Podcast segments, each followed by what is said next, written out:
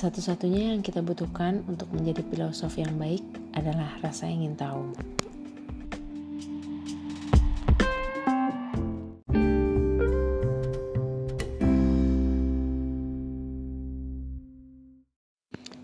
Halo, ketemu lagi sama gue Monica. Di sini gue akan mereviewkan sebuah buku dengan judul Dunia Shopee, sebuah novel filsafat. Karangannya Justin Gardner. Pengantar Dr. Dr. Bambang Sugiharto.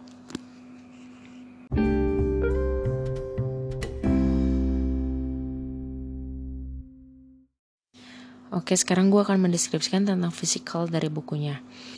Bukunya ini warnanya gelap gitu, uh, warna hitam, kemudian ada warna biru, campur warna biru, Terus ada sosok wanita sedang membelakangi, dia menggunakan baju warna merah dan selendang berwarna kuning serta menggunakan payung berwarna hitam. Jadi kalau sekilas kita lihat sampul bukunya ini menggambarkan bahwa buku ini tuh adalah novel fantasi begitu. Terus untuk sinopsis belakangnya ini gue bacain ya. Shopee Seorang pelajar sekolah menengah berusia 14 tahun. Suatu hari, sepulang sekolah, dia mendapatkan sebuah surat misterius yang hanya berisikan satu pertanyaan. Siapa kamu? Belum habis keheranannya. Pada hari yang sama, dia mendapatkan surat lain yang bertanya, "Dari manakah datangnya dunia?" Seakan tersentak dari rutinitas hidup sehari-hari, surat-surat itu membuat Sophie mulai mempertahankan soal-soal mendasar yang tak pernah dipikirkannya selama ini. Dia mulai belajar filsafat. Masuk ke dalam bagian buku, uh, buku ini dicetak dengan kertas berwarna krem gitu dengan halamannya sebanyak 785 halaman. Lumayan ya banyak. Tapi ketika kalian baca buku ini, kalian uh, timbul rasa penasaran gitu sehingga ingin terus menerus untuk melanjutkan baca halaman per halaman gitu guys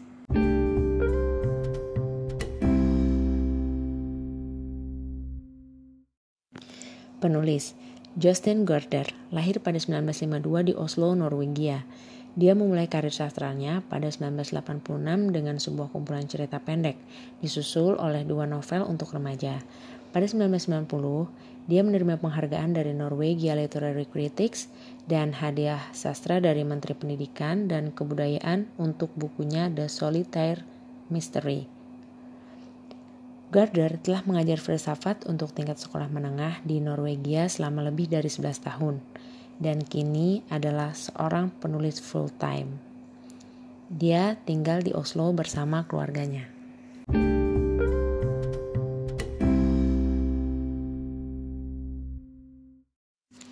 Gue akan bacakan sedikit pengantar dari Dr. Bambang Sugiharto. Filsafat dan pengalaman Bambang Sugiharto, guru besar filsafat, mengajar di Unpar dan ITB, Section International Society for Universal Dialogue, New York. Dalam benak banyak orang, filsafat adalah ilmu yang mengawang-awang. Mengawang bisa berarti terlalu tinggi dan rumit hingga tak mudah dicerna oleh orang kebanyakan. Tapi, mengawang juga bisa berarti tidak realistis, konyol, kegiatan orang yang kurang kerjaan. Ketika dunia digerakkan oleh kesibukan mencari uang sebanyak-banyaknya dan diramaikan oleh hiruk-pikuk memburu kenikmatan, karir, popularitas, dan kekayaan, filsafat tampak bagai verbalisme kosong, bagai daftar menu yang menawan tanpa ada makanannya. Ketika ilmu pengetahuan empirik dan teknologi menghasilkan demikian banyak hal konkret dan telah mengubah kehidupan manusia secara mendasar, filsafat terasa bagai bualan yang menyembunyikan kekosongannya dalam rimba istilah abstrak yang dirumit-rumitkan. Lebih buruk lagi, dalam situasi penuh antusiasme keagamaan yang meledak-ledak, filsafat biasanya bahkan dilihat sebagai kebebasan lalar yang liar dan arogan, semacam ancaman menuju kekacauan, bahaya tafsir bebas yang mengarah pada kemurtatan, atau bahkan sejenis gejala kegilaan. Dan karenanya, bagi masyarakat umum sebaiknya tidak disarankan. Oke, itu tadi kutipan dari pengantar oleh Dr. Bambang Sugiarto masih banyak sebenarnya pengantarnya cuma beberapa kutipan yang hanya sedikit bisa gue bacakan uh, untuk gue pribadi sendiri sebenarnya nggak begitu tertarik sama filsafat tapi kenapa gue baca dan memilih untuk mengetahui isi buku ini dan mengetahui sedikit ilmu filsafat? Karena gue cuman pengen tahu aja gitu. Dengan modal pengen tahu aja akhirnya gue menyelesaikan buku ini dan membaca isinya dengan seksama. Jadi ternyata di buku ini tuh nggak cuma menjelaskan tentang filsafat dan cara berpikir orang di sini gue juga dapat beberapa ilmu pengetahuan tentang filsafat dan apa itu filsafat dan bagaimana sih cara berpikir orang zaman dulu sebelum adanya teknologi.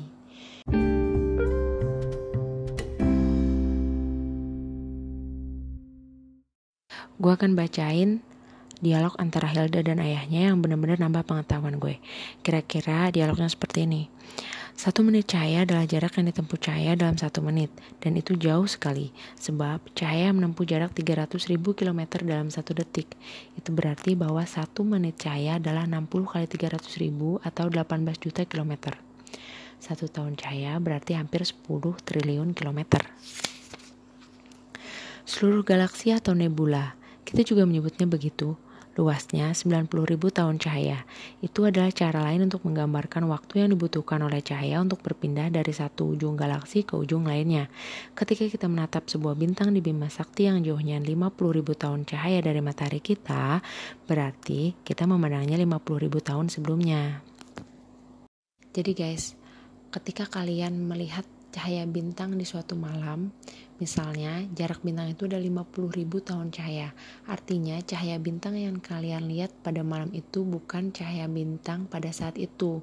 Itu adalah cahaya bintang 50 ribu tahun yang lalu, begitu.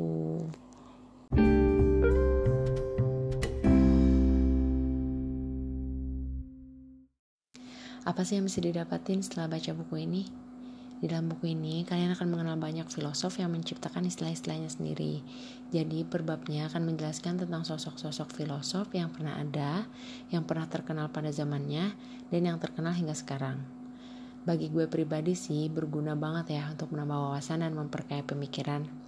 Tapi, kalau ditanya nih, setuju nggak mengenai filsafat-filsafat yang dikemukakan oleh mereka? Ya, gue sih cuma nice to know aja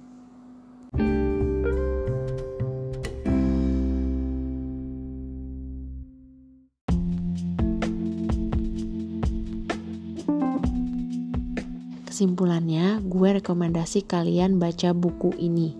Buat yang cuma pengen tahu aja, atau untuk kalian yang memang tertarik pada bidang filsafat maupun kalian yang memang menempuh pendidikan di bidang filsafat.